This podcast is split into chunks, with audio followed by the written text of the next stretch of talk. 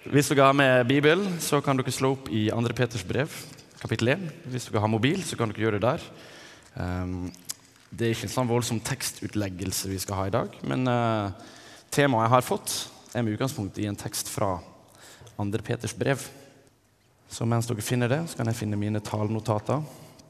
Og Temaet på konferansen i år er, er, tro. Det er det du vil se går igjen i de ulike eh, Eh, ja, ulike talene og i veldig mange av seminarer.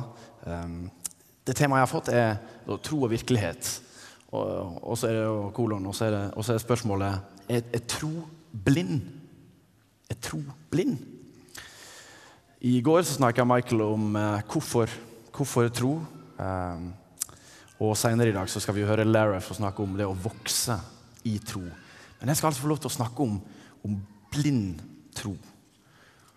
Og uh, jeg hadde en opplevelse for ikke så veldig lenge siden der det var ei uh, jente som sa til meg noe som sikkert ikke var sagt i vond vilje, uh, men som likevel kanskje ikke oppfattes som det største komplimentet jeg fikk i løpet av dagen. Men hun sa det sånn som det her. Det virker så fint å være troende. Å bare følge noe blindt, liksom. Jeg beundrer det, men jeg, jeg klarer ikke sjøl. Og da blir mitt spørsmål til dere. Når hun da berømte meg for min blinde tro, hva er din umiddelbare assosiasjon når du hører ordet blind tro? Vend deg til sidemannen og bare si ut det første som du kommer på. Vær så god. Din første assosiasjon til ordet blind tro. Ok, Her er mange tanker. Det er jeg glad for å høre.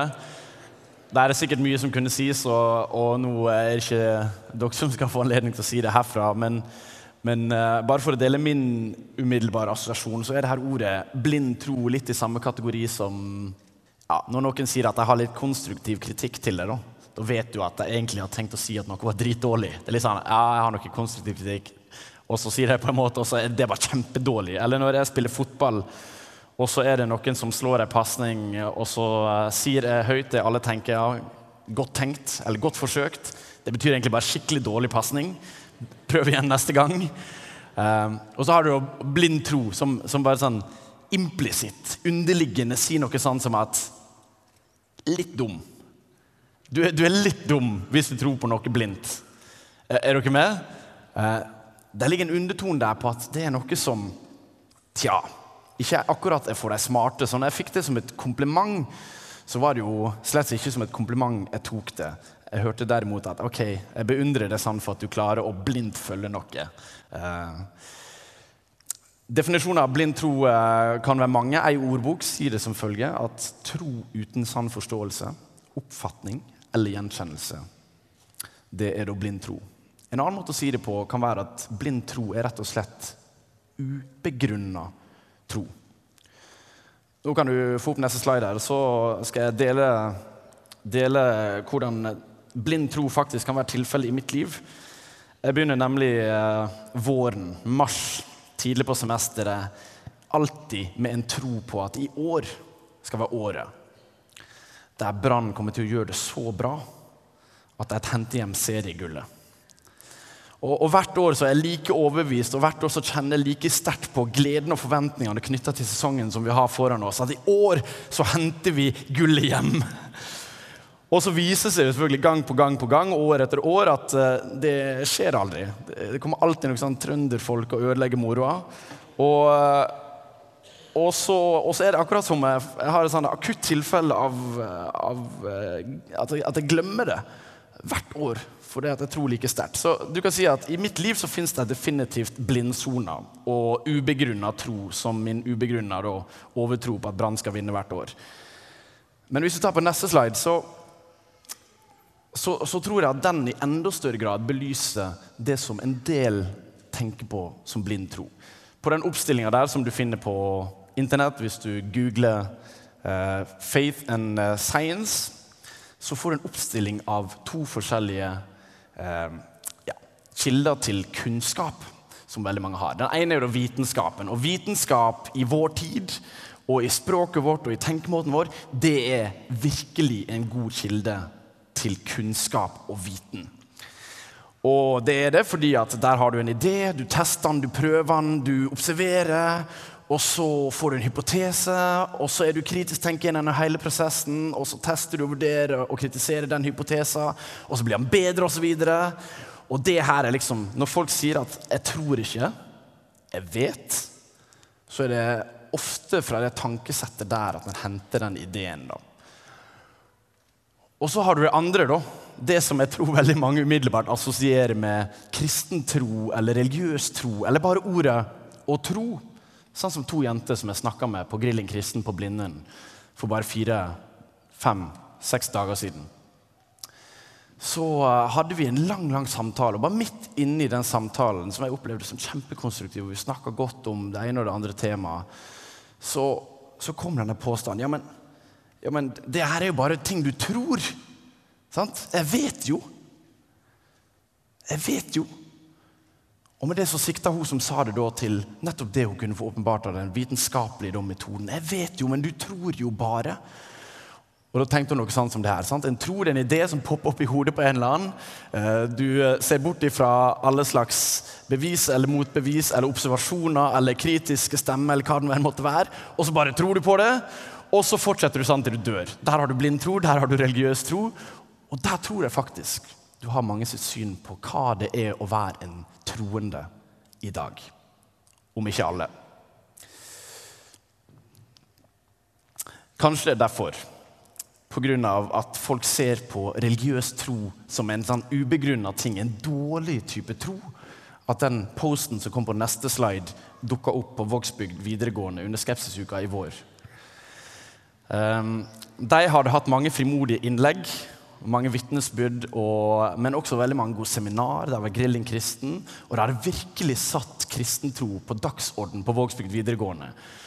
Og det du kan være sikker på, det at når du får en sånn lapp hengende på veggen eh, tilknytta et av arrangementene du markedsfører, så har du lykkes. Der står det for deg som er svaksynt eller sitter litt langt unna. Bare sånn at jeg kan få lov til å lese det også, for jeg synes det er litt morsomt.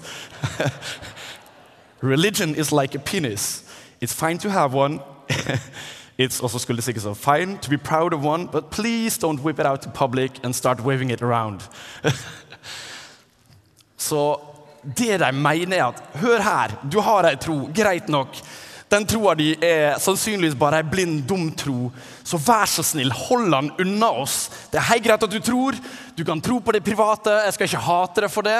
Men kan du ikke være så snill å holde det unna skolen vår? Vær så snill å holde det unna livet mitt, og ikke bare ta det fram og starte og veive det rundt som om det var noe du skulle være stolt over. Jeg tenker at Den holdninga er, noe, det er helt naturlig hvis det er sannsyn en har på tro.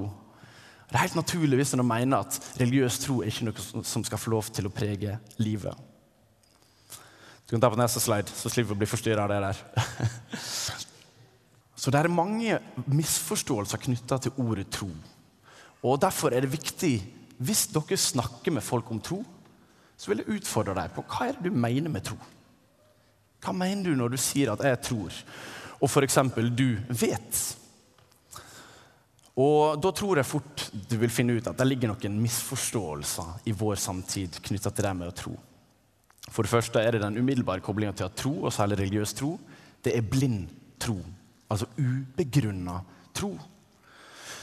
Neste antakelse er at det er bare religiøse mennesker som tror blindt. En eh, tredje antakelse som er ganske vanlig her, er at den type tro, eller tro generelt, og viten det står i motsetning til hverandre. Og så kommer det til en siste misforståelse som er vanlig. det at For å vite så trenger simpelthen ikke å tro. Det vil jeg naturligvis bestride. Disse her fire misforståelsene tror jeg nettopp er det. Misforståelser. Alle mennesker tror. Det er et allmennmenneskelig fenomen. Det fins ikke et eneste menneske her som er inne som ikke tror på et eller annet. Vi tror at det fins en verden utenfor oss sjøl som vi kan ha kunnskap om. Og, og det her belyste en skotsk filosof som heter Hume. Han sier at kroppen min og jeg eksisterer fordi jeg opplever det. Men det jeg opplever, kan jo være et bedrag.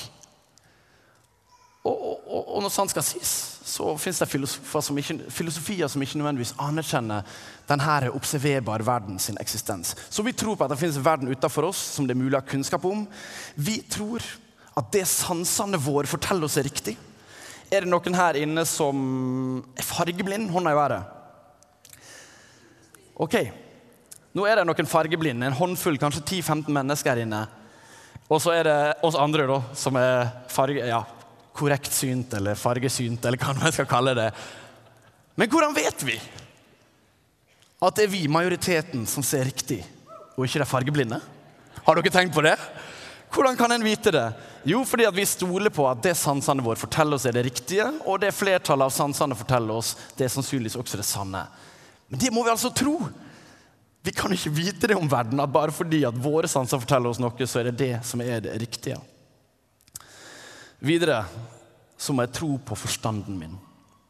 Jeg må tro at det som jeg oppfatter inni hjernen min, ikke er feil, og at det ikke bare er jeg som er gal. Og, og at det som foregår inni der, henger sammen. Og Det fins flere eksempel på En ting er individuell galskap. altså Alle kan se på en person og tenke at den personen er gal, eller det den sier er galt. Men du har flere eksempel på at helt folkeslag, en hel by, en hel gjeng har blitt bare revet med av galskap. Jf. VM i Bergen, sykkel-VM i Bergen. sant? En galskap uten like. Folk flommer ut i gatene. og Du kan godt kalle det folkefest og liksom patriotisme, men galskap er også en passende beskrivelse til vi grad på det. Så galskap Hvordan kan vi vite at vi ikke bare oppfatter ting og er rasjonelt sett feilkobla? Et siste spørsmål bare for å underbygge at alle mennesker tror på noe. Det er din fødselsdag. Når er du født? Tenk på det i fem sekunder. Nå vil jeg be deg bevise for meg at du er født på den dagen. Kan noen bevise det her inne? Jeg er født 13.9.1984. Helt sikker på det. Men jeg er egentlig så sikker på at det ikke var 12.9.1984 eller 14. når jeg tenker meg om. Hvordan kan vi egentlig vite? Vel, I det tilfellet der så har vi selvfølgelig vitnesbyrdet til min mor og min far, som forteller meg at sånn var det. Jeg har fødselsattesten min som forteller det. Men til syvende og sist så må jeg tro at det de sier, er riktig. Og jeg må tro at fødselsattesten min har en eller annen verdi for meg som nyttig kunnskap. Ok, Bare fire eksempler her på at tror dere det er noe alle mennesker gjør. Og tro den kan være god, og den kan være dårlig. Men tro, det gjør vi alle sammen. Bare noen eksempel på, på god og dårlig tro. Jeg tror at, uh, jeg tror at en typisk tidsoptimist uh, er et klassisk eksempel på, på dårlig tro. En tidsoptimist det er en person som alltid tror at den skal rekke mer enn det en faktisk rekker. Så hvis det tar ti minutter å gå til bussen, og noen av dere sitter nå og nikker anerkjennende, for det her er dere, det her er livet deres, det her har vært deres største problem så langt Hvis det tar ti minutter til bussen, så tenker dere alltid at det tar bare fem minutter. Og så mister du bussen. Kanskje mister du den bare én dag i uka, kanskje mister du den hver dag i uka. Fordi du tror alltid at du skal rekke med, men, men så gjør du ikke det. Du rekker det aldri. Mens en planlegger vil jo da ha en langt bedre tro knytta til sin egen forventning om hva tid tar. Videre så har du da f.eks. En, en væroptimist tro på at ja, det vil bli sol i morgen. Og her på Sørlandet så har jeg en sterk sterk tro på at det vil bli sol i morgen. Og det kan jeg jo ha fordi at jeg er optimistisk, men det er lite som tyder på det ut fra værmeldingene. Så en meteorolog vil da ha et helt annet på saken. Videre så mener jeg at god tro ikke bare handler om disse trivielle tinga. Men jeg tror at også når det kommer til de mest grunnleggende trosspørsmåla, som hvem er hvor kommer jeg fra, hvor skal jeg hen, hva består virkeligheten av, hva er meninga med livet? Jeg tror at også når det kommer til disse spørsmåla her, som også er spørsmål som alle mennesker forholder seg til, så kan vi stå overfor både godt begrunna tro og dårlig begrunna tro. Og her er det et mål for oss. Å søke det vi tror er den best begrunna troa. Og her tror jeg f.eks. at kristen tro er en godt begrunna tro. F.eks. satt opp imot Åsatro eller andre folkefortellinger. Så nå skal vi gå til teksten. Tro og virkelighet. Er tro blind? Hadde Peter, hadde Peter denne ynda apostelen til Jesus, en god tro eller en dårlig tro? For Har Peter bare en sånn religiøs troende som fulgte noe blindt uten å egentlig ha noen god grunn til det? Eller hadde han gode grunner til å velge det livet han valgte, og si de tinga han sa? Vi skal begynne med i, i, uh, i, til det verset her. Og det vil jeg gi til dere som et tips. Når dere ser et bibelvers, så kan det være nyttig til mye. Men bibelverset står alltid i en sammenheng. Så bare veldig kort, det her verset her, det står i da sammenhengen 2. Peters brev. Det er ett av to brev som Peter da skrev til ulike kirkeledere og sånt i den tidlige kirka. Og eh, det brevet her Da kan du ta til neste slide. Det brevet her, det, det er på en måte i en sum så handler det om å oppmuntre de troende til å følge sannhetens vei. Utvikle en kristen karakter og passe seg for de som sprer løgner. Det er min kan du si, oppsummering av brevet etter å ha lest det. Altså så er det et brev som skulle oppmuntre de troende på den tida. Vi kan også se på det som en oppmuntring til oss her inne som tror på Jesus, som sannheten, til å følge den veien og til å bygge en kristen karakter. Og til å passe oss for at vet du hva? Det er ikke alle som er ute etter å snakke om sannhet. Men det er faktisk noen som farer med løgn. Så hvordan forholder vi oss til det? Videre Når vi snevrer inn, så, så står så står det på en måte som det store overskriften for brevet. Men i det første kapitlet så ser vi at det er et avsnitt som vårt vers står i, som er da vers 12 til 21. Og i det her avsnittet så, får du, så finner en ut, hvis en leser gjennom det et par ganger, at det handler egentlig om noe som kanskje ikke er så opplagt når du leser gjennom det for aller første gang.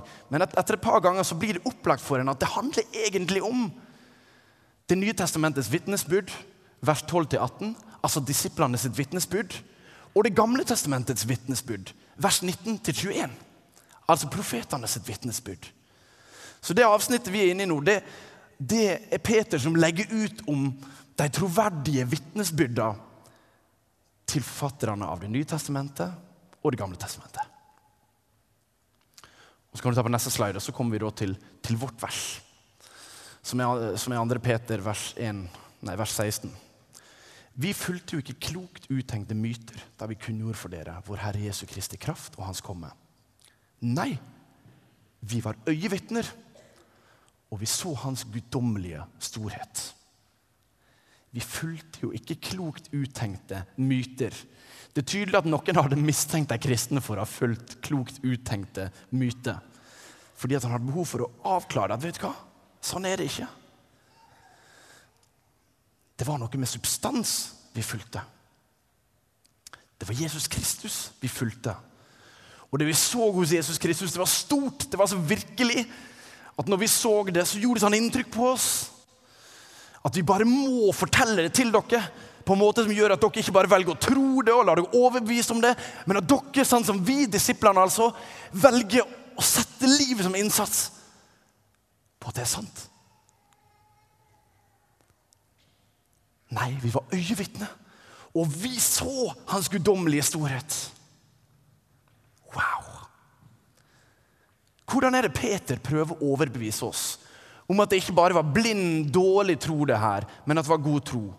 Vi skal se på noen eksempler på det. Vel, han skriver i vers 15, og det er interessant.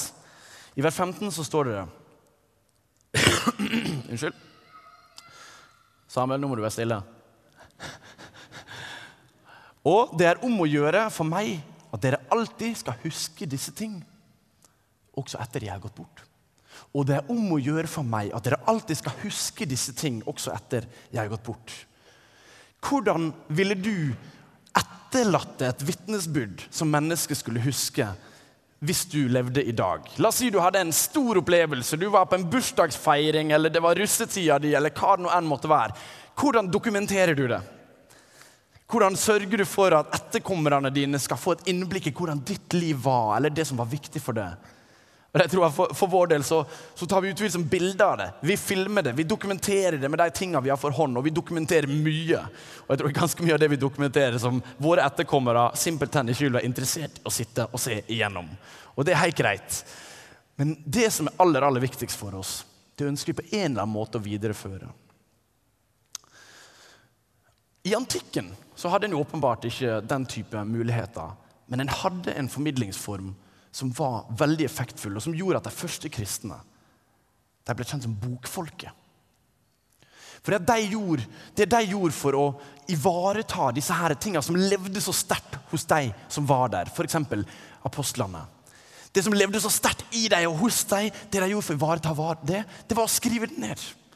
Og nå, nå, vet vi her at Paulus har skrevet både et første brev, det sier han i sitt andre brev, og vi vet at han skriver sitt andre brev.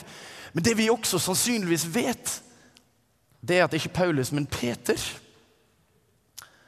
Han var også den som instruerte Markusevangeliet. Så kanskje er det det han sikter til her i vers 15, ved at han sier at han ønsker at det skal leve videre i oss. Nemlig det at han var den som, som på en måte ble fortelleren som Markus skrev ned fra. Og, og det her er på en måte, det her er det tidlige kirkefedre som vitner om. Så det er svært sannsynlig at nettopp det er tilfellet. At Peter fortalte til Markus her var det, sånn var det opplevde det. F.eks. den hendelsen han sikter til her i vers 16, når han skriver vi var øyevitner og så hans guddommelige storhet. Når han sikter til Markus kapittel 8, der Jesus tar med seg Peter, Johannes og er det, hvem er den siste? Andreas? Hvem? Peter, Johannes og Jakob, ja. Opp på fjellet. Forklarelses, forklarelsesberg transfigurasjonen. Og så blir de vitne til noe som de aldri vil glemme. De blir vitne til at Jesus blir så hold dere fast, han blir så hvit, står det, som ingen menneske kan farge et hvitt plagg. det var åpenbart før Blenda kom på markedet. Han, han, ble så hvit, han ble så skinnende. Han sto der i hele sin oppstandelseskraft, sånn som han en dag skulle stå der igjen når han faktisk så sto opp og ikke lenger var Jesus som skulle gå inn i lidelsen, men var Jesus kongen som reiste seg opp og brøt dødens makt. Sånn viste han seg for deg. Så stor, så mektig, så fantastisk. Og det fikk disse her tre se. Og hvordan skulle de videreformidle noe sant? Hvordan skal du fortelle noe sant til folk? Hvordan kan du sette ord på noe som skinner så klart som du aldri har sett noe skinne før? Vel, Du har ikke noe annet å gjøre enn å skrive den ned. Og så blir det ikke akkurat det samme. Så de skrev det ned. Peter sørga for at hans vitnesbyrd og det viktigste essensen av evangeliet ble skrevet ned. Akkurat den tingen skrev også både Matteus og Lukas ned i sine evangelium. Og disse fire evangeliene er bare fire forskjellige øyevitner som forteller om hva de har opplevd med Jesus. Det er fantastisk. Fantastisk. Så tekst det var en viktig måte han prøvde å overbevise oss om. Han skrev ting ned og prøvde å dokumentere det. Satte det inn i en kontekst der det ble sagt noe om hvor tid det var, hvor det var, hvem andre historiske personer som var der. Og den dag i dag så regner vi vår tid etter det. Og selv om noen sier før og etter vår tid nå, så er det før og etter Kristus. Det har vært sagt i 2000 år. Før og etter Kristus. Vi regner vår tid etter det. Så sannsynlig anser vi det for å være. Videre så understreker Peter det at Hør her, det var ikke myte, det her. Vi så det jo med våre egne øyne. Vi var øyevitner. Som forankrer det her i at mange mennesker så, så mange som flere tusen på én gang så det her, kan vi lese i første kor. Så forankrer han det i sansene. Vi både så, vi hørte, vi følte. Og så er det et veldig sterkt vitnesbyrd som Peter med sitt liv demonstrerer i forhold til at det her ikke bare var blind, dårlig tro, men at det faktisk hadde skjedd. Det var at det ble så viktig for ham. Det ble så avgjørende de tre åra han vandra med Jesus. At han sjøl, når folk rundt han mente at Jesus var død og ikke oppstått, så valgte han likevel å tro på den oppstandende Jesus fordi han møtte ham. Og han valgte ikke bare å tro på ham som en teori. dere. For det er lett for oss å snakke om tro hvis det bare handler om en mening. Men han valgte å tro på Jesus til døden. Og etter all sannsynlighet å dømme så ble Peter korfesta sjøl. Opp ned. Og til den type død var han villig til å være lydig. Altså Når du møter et menneske som er villig til å ofre mye mindre enn det,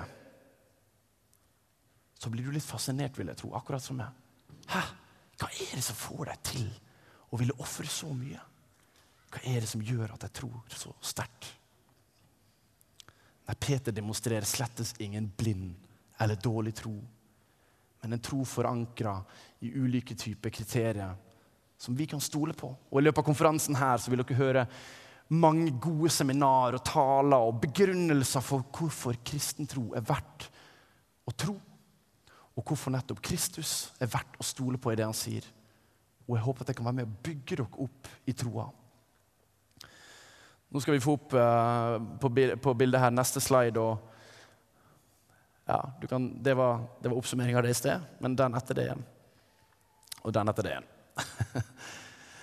jeg ble bedt uh, før talen her, og jeg vet ikke hvorfor. Uh, det kan være en sånn mistanke om at Karl Johan han kommer til å trenge litt hjelp til å fremstå litt mer intellektuell. Og, så vi gir han tre latinske ord, eh, og så kan han bryne seg på dem. Så, så, så Per Sigvær sa kanskje du sier noe om de tre latinske ordene. Og, ja, gjerne knytte det til reformasjonen.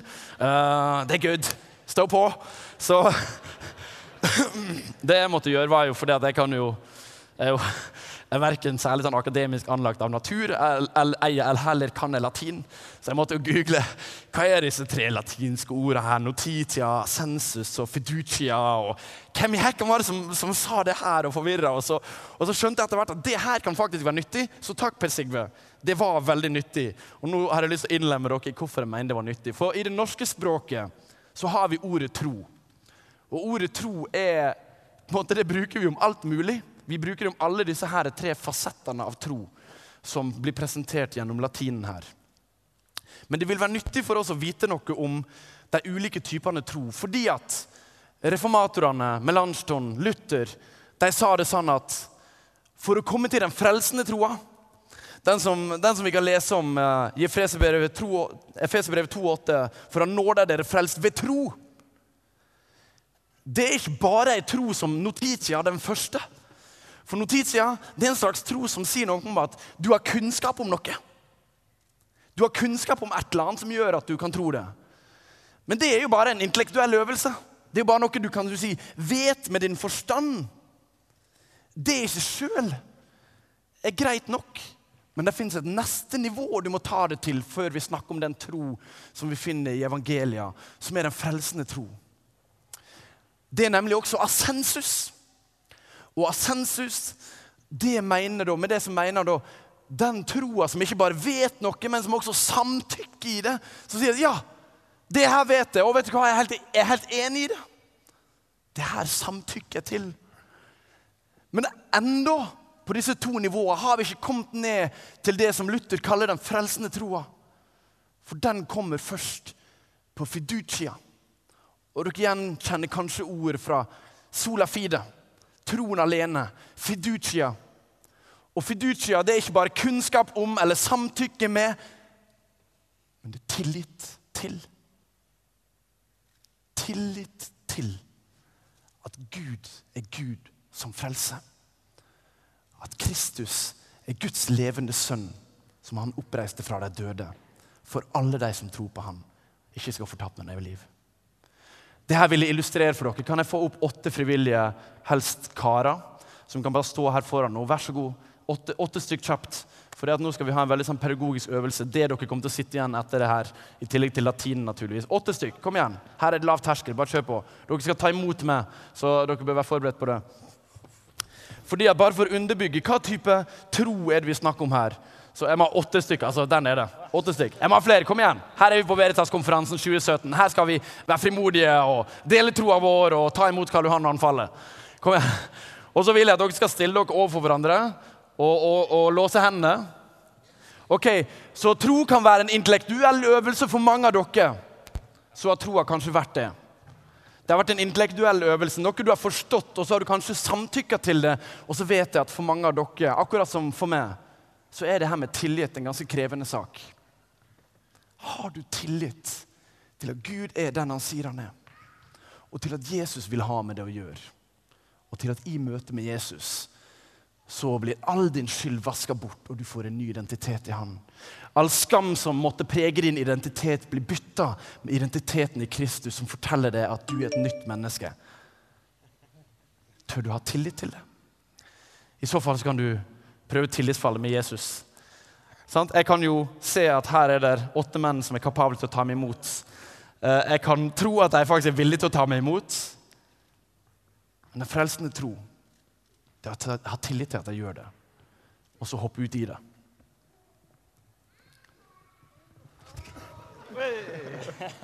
Tusen takk. En stor applaus for deg.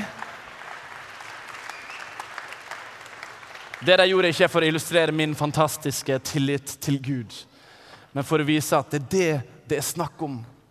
Og det er en spennende reise, dere. Det er en reise for noen av dere inn i et ukjent terreng. Og det er en reise du kanskje ikke ennå er overbevist om at du er klar for å ta den. Men vit da at en sann tro i tillit det bygger på disse to andre. Så bruk disse dagene her til å få kunnskap om sannheten. Til å tilslutte det sannheten. Og så håper og tror jeg og ber jeg om at, sammen med mange her, om at du skal få den tillit til at Gud er den han er, og den han sier han er, som Peter hadde, som alle disiplene hadde, som kirka har hatt. Gjennom forfølgelse, medgang og motgang. At du skal få den samme tillit til Gud og ta imot Han som din venn og frelser. Det ber jeg om, og det håper jeg om. Og det er slett ingen blind tro.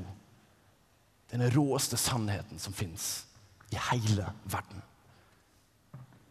Gud, takk for at du vil ha med oss å gjøre. For at du steg ned i skaperverket og viste oss hva det er å være menneske. Og for at du inviterer oss inn igjen i fellesskap med det. Takk, Jesus. Amen.